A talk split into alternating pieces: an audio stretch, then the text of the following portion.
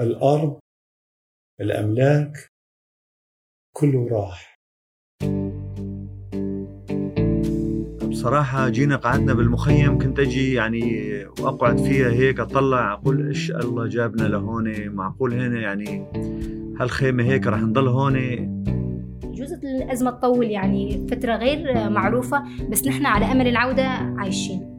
عشرات الآلاف من السوريين تقطعت بهم السبل في مخيمات شمال شرق سوريا أو في ملاجئ مؤقتة ومبان مهجورة. مستقبل هؤلاء صار ضبابيا بعد أن دمرت منازلهم ونهبت وتم السطو عليها. بودكاست أمل العودة من إعداد سوريا على طول. يروي قصة ثلاث عائلات سورية تعيش بين ضرورة بناء حياة جديدة في المناطق التي نزحوا إليها والأمل في العودة إلى ديارهم. إليكم الحلقة الثالثة بعنوان نبع السلام.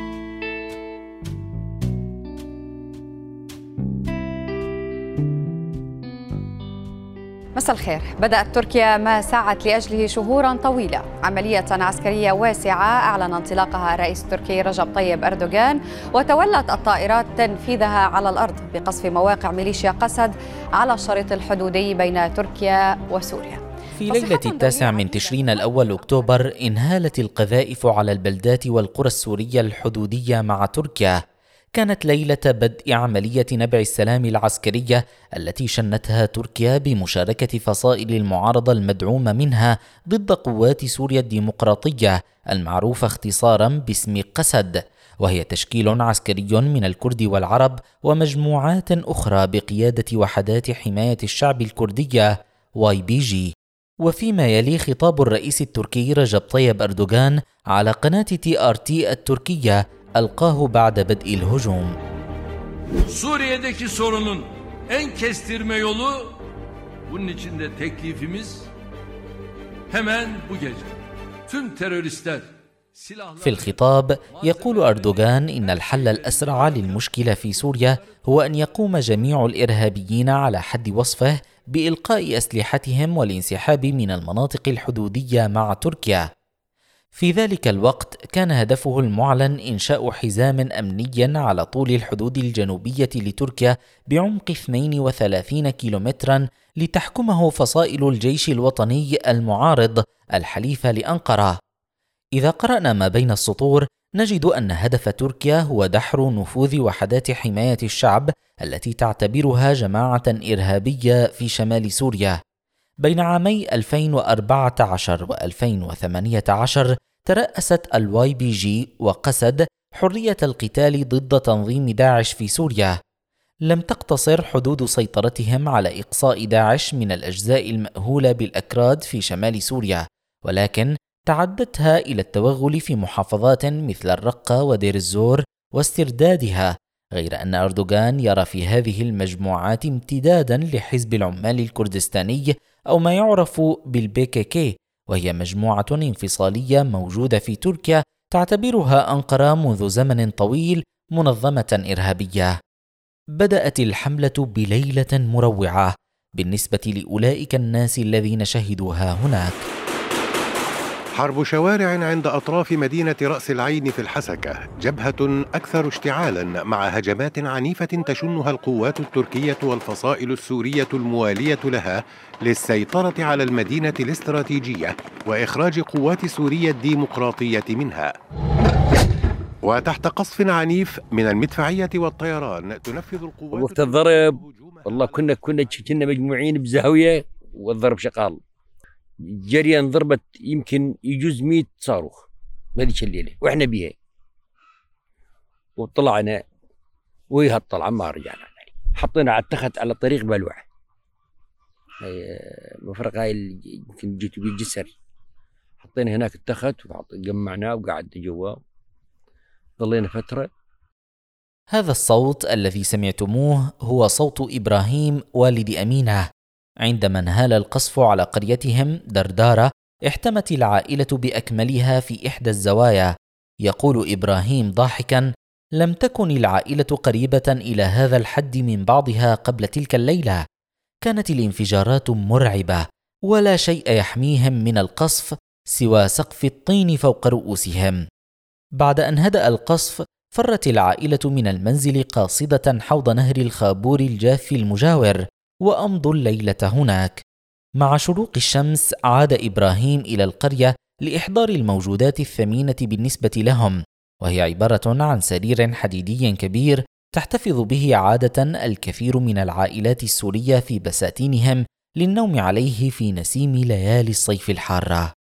لمدة عام تقريبا كانت العائلة تقضي لياليها على حواف الطرق وفي العراء وكان السرير سكنا لهم.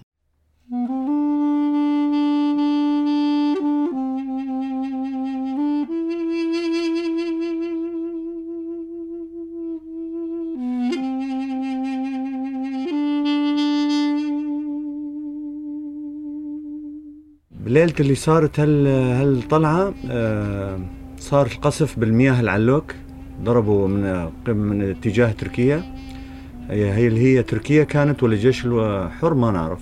فالضربات جت على المياه علوك والطيارات المسيرة التركية صارت تشتغل فوق الخط الحدودي. خفنا وكان الرفاق هنيك قالوا لنا أنتم الأهالي نتمنى تروحوا تبعدوا شوي على جنب لأنه وضع صاير خربطة ومأساة. فانجبرنا وطلعنا من بيتنا ومن ضيعتنا. في تلك الليلة أيضا هجر خضر خابور الذي تحدث إلينا في الحلقة الماضية. أنا واولادي طلعنا الساعة 10 بالليل بنتي صغيرة عمرها نيفين خابور عمرها شي 11 سنة. آه، تراجعت وصارت تبكي بالطريق وشوي طلعنا معنا بنات اثنين من جيرانها. كان خوف والله خفنا كثير في العشرين من تشرين الأول أكتوبر أي بعد أحد عشر يوما على بدء الهجوم استولت القوات التركية المسلحة وفصائل الجيش الوطني على رأس العين فيما تعرضت مدن حدودية أخرى للقصف بما في ذلك تل أبيض والقامشلي وعين عيسى. على إثر ذلك نزح أكثر من 200 ألف شخص خلال أسبوعين وفر غالبيتهم إلى مناطق سيطرة قسد. في الثاني والعشرين من تشرين الأول أكتوبر من عام 2019 توصلت روسيا إلى اتفاق مع أردوغان يقضي بتسليم جزء كبير من الأراضي الحدودية إلى تركيا. وبعد خمسة أيام أعلنت قسد انسحابها من عدة مواقع على طول الحدود التركية وفقا للاتفاق الروسي التركي.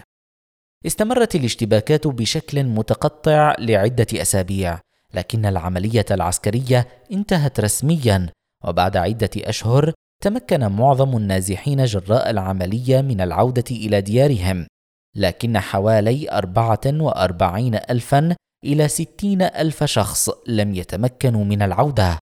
وهنا تبرز أسئلة من قبيل لماذا لم يتمكن هؤلاء من العودة إلى ديارهم رغم وقف القتال؟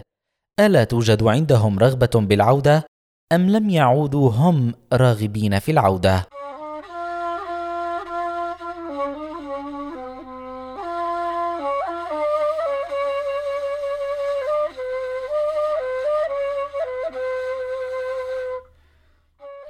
قلنا بس إن نرجع ما ما رجعنا. كان عندنا أمل نرجع على بيوتنا وعلى أراضينا. هنا يعني قاعدين ما نرجع نستفاد شي بنو هناك أقل شي بيعنا أرض نشتغل منها بيعنا قنم نصرح بها قنم نصرح بها مستفادين منها. أمينة وعائلتها لم يعودوا لأنهم خسروا كل ما يملكونه بسبب القتال. تضرر واحد من أصل منزلين لهم هناك بسبب القصف ونفقت أغنامهم الستين جوعا أو ربما قتلت أو سرقت. تقع قريتهم الآن على خط جبهة يفصل بين قسد وفصائل المعارضة المدعومة من تركيا. يمكن لأفراد العائلة من وقت لآخر أن ترى من فوق تل مجاور لهم تساقط القنابل على مسقط رأسهم لكنهم لا يعلمون ما إذا كان منزلهم الآخر قائما أم لا ولا يمكنهم العودة للتقصي عنه. هذا البيت؟ الحوش ورا. هاي الشجرة قدام هاي هاي القرية تبعنا. تقلب أمينة الصور القليلة التي تحتفظ بها لمنزلها القديم على هاتفها. تثير هذه الصور في نفسها الأشجان والحنين لتلك الحياة التي كانت تعيشها يوما وفقدتها. أكيد إنه آه، نتذكر أيام اللي كنا عايشين بها. هي أيام حلوة. أول ما اني كنت أساعد أهلي كنا فاتحين آه، دكان بالبيت وكان باب رزق لنا كنا عايشين من وراه. كنت أساعد أهلي بيه وما أخلي لا أبوي يطلع ولا أمي تشتغل ولا شيء كنت أني أشتغل وأنا قاعدة فيه. كنت أنزل بيه لباس وأنزل بيه سمانه وأنزل بيه لباس ولادي وكنت ابيع على الضيعه وكان أمورنا بخير. هل ده ما في عنا حتى باب رزق ما ضل عنا. يعني كان هو باب رزقنا كنا عايشين من وراه كانت عندنا القنم إذا تولد نبيع اللي تولده كان يعيشنا الشتاء كله. كانت الأرض اللي نزرعها إذا نجيب منها حنطة بس واحد يخبز وياكل خبز هاي تكفيه.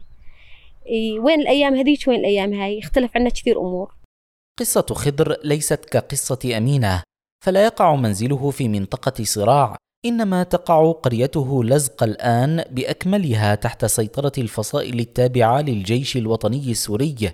ولكن هذا لا يعني أن بمقدور خضر العودة إلى دياره لأن انتماءه إلى المجتمع الإيزيدي يعزز في داخله مخاوف الاضطهاد والمضايقات وربما السجن أو الإعدام إن حاول العودة إلى قريته الأصلية.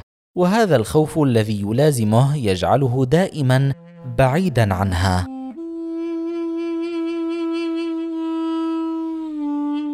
علم خضر من خلال حديثه مع جيرانه وأصدقائه الذين ما يزالون هناك أن الفصائل العسكرية نهبت منزله وذهبت كل مقتنياته وإن فكر بالعودة فلن يتمكن من زراعة أرضه لأن أنابيب الري ومضخات المياه قد سرقت أيضا.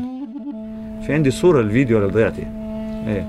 ما خلوا ولا شجرة ولا حتى في في السور وهيك حيطان كلها شايلين بلوكات حتى أخذوا البلوكات. لا ضل بيت لا ضل غراض. شالوا البواب شالوا الخزانات شالوا آبار زراعية. عندنا مشاريع عندي أرض زراعي شالوا الموتورات وطرمبة. يعني كلها شالوهم. وين بدنا نروح؟ بس باقي السقف والحيطان.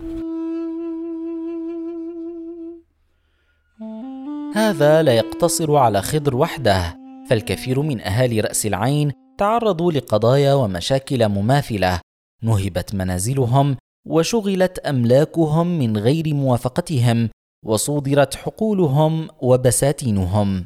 مو بس ضيعتنا كل الضياع اللي هنيك عملوا فيها هيك. هلا بالآونة الأخيرة صار يقطعوا الشجر وقطعوها من جذورها يعني الشجرة هي نفس للإنسان للأطفال هي مثل الروح الأطفال. المشاكل ذاتها حصلت في عفرين التي كانت موطنا لعدد كبير من الأكراد بعد أن استولت عليها الفصائل المدعومة من أنقرة عام 2018 خلال عملية غصن الزيتون العسكرية التركية.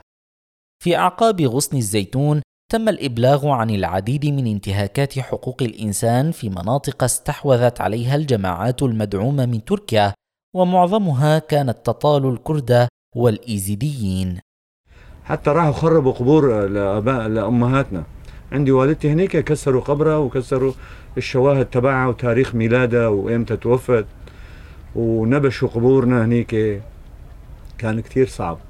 أنا أكثر شيء أحب أروح أزور آه، قبور قرايبيني ووالدتي. وصعب هلا علينا ما نقدر نروح.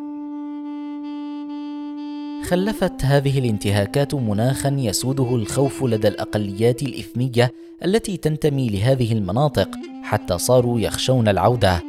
وفقا لتقييمات إنسانية لم يعد فعليا أي من الأكراد أو الإيزيديين الذين كانوا يقطنون في رأس العين قبل عملية نبع السلام بعد توقف القتال. وهذا الأمر ينطبق أيضا على الأقليات الأخرى مثل المسيحيين الأرمن.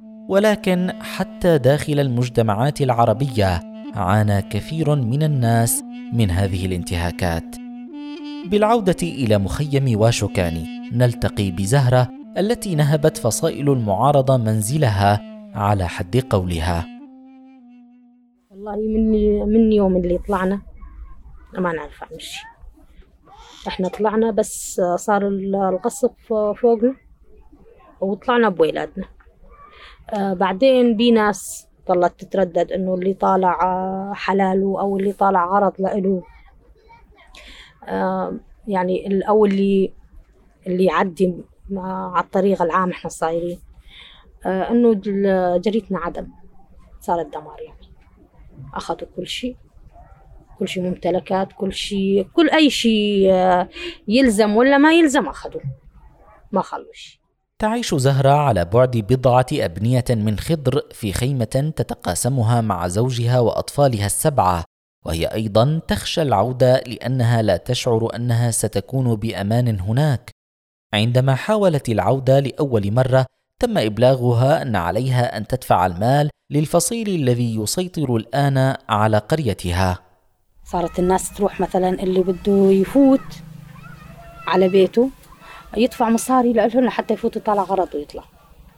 إيه مشان هيك إحنا ما رحنا. لأنه ما عندنا إمكانية نروح ندفع مصاري لحتى نطلع اغراض بيتنا. اللي بده يروح يدفع مصاري لحتى يطلع اغراض بيته خلص يشتري من هنا وبلا وبلا هالروحه كلها وأكثر شيء يخلون بس النسوان يفوتن. وأني ما ولا فكرت إني أروح خالص. يتمسك كل من خضر وزهرة بأمل العودة إلى ديارهم في رأس العين. ولكن مع مرور الزمن تصعب متابعة الوضع في ديارهم هناك بعد أن علت جدران الخوف في أنحاء سوريا حتى صارت حدودا غير مرئية وهو ما جعل الناس الذين يعيشون في مناطق تنتمي لأطراف مختلفة في الصراع يعانون الأمرين للتواصل مع معارفهم على الضفة الأخرى. فحتى جيران خضر الذين كانوا يأتونه بأخبار دياره توقفوا مؤخرا عن التحدث معه خشية استهدافهم أيضا. إيه تواصلنا فترة معهم صار يخافوا. يقول خايف يشوفونا عم نتواصل معكم ما عاد حدا يسترجي. هلا من الفترة الأخيرة سمعنا بفي بالفيسبوكات عم يصير في ناس ما يحطوا اسمهم إنه مين اللي عمل هال هالنشر إنه الأشجار راحن. وجانا فيديوهات كمان من من من اتجاهات غير يعني. ما نعرف مين هو بصراحة والله بس ضيعتي وفي هلا عندي صورتها. شالوا الشجر وكله قاصينه. كلما استمر الوضع الراهن على حاله لزمن أطول كلما صارت عودة الناس من أمثال خضر وزهرة وأمينة إلى ديارهم أصعب. بعد مرور نحو أربع سنوات على عملية نبع السلام شجعت الفصائل المدعومة من أنقرة النازحين من مناطق أخرى في سوريا على الاستقرار في المناطق الجديدة التي تخضع لسيطرتهم. في الوقت الذي تضغط تركيا أيضا لنقل اللاجئين السوريين إلى تلك المناطق. لإفساح المجال للوافدين الجدد صادرت الفصائل المسلحة التي تدعمها تركيا المنازل التي هجرها أصحابها كما أنهم استحوذوا على الأراضي الزراعية لإعمار مشاريع سكنية جديدة. وكذلك تخول الفصائل المزارعين المحليين المقيمين هناك بزراعة الحقول التي غاب مالكوها عنها مقابل الحصول على حصة من الحصاد. تعد مصادرة الممتلكات غير القانونية إحدى العقبات الرئيسية التي تحول دون عودة آلاف الأشخاص إلى ديارهم الواقعة ضمن حدود خريطة نبع السلام. ولا بد من مواجهة هذه العقبات وإلا سيخسر المهجرون ديارهم إلى الأبد. في جميع أنحاء سوريا وخارجها يحاول محامون ومنظمات مجتمعية تقديم المساعدة لحماية الملكيات العقارية. وهذا عمل قانوني معقد يتطلب حفظ سندات الملكية وتصديقها ورفع مستوى الوعي في أوساط المهجرين فيما يتعلق بحقوقهم. في الحلقة القادمة سنسمع من بعض القائمين على هذا العمل كيف يمكن للمهجرين مثل خضر وأمينة وزهرة صون حقوق أراضيهم ومنازلهم التي غادروها في عام 2019 هذا البودكاست من إعداد ليز موفي. بمساعدة سولين محمد أمين والطاقم التحريري لسوريا على طول والتعليق الصوتي لعمر نور. أداء الموسيقى التصويرية كاوكالي من ياكبار وهي فرقة من الموسيقيين الكرد المهجرين من رأس العين إلى القامشلي في شمال شرق سوريا. يمكنكم الاستماع لهذه الحلقة والحلقات الأخرى على موقعنا الإلكتروني syriadirect.org وعلى جميع منصات البودكاست الرئيسية.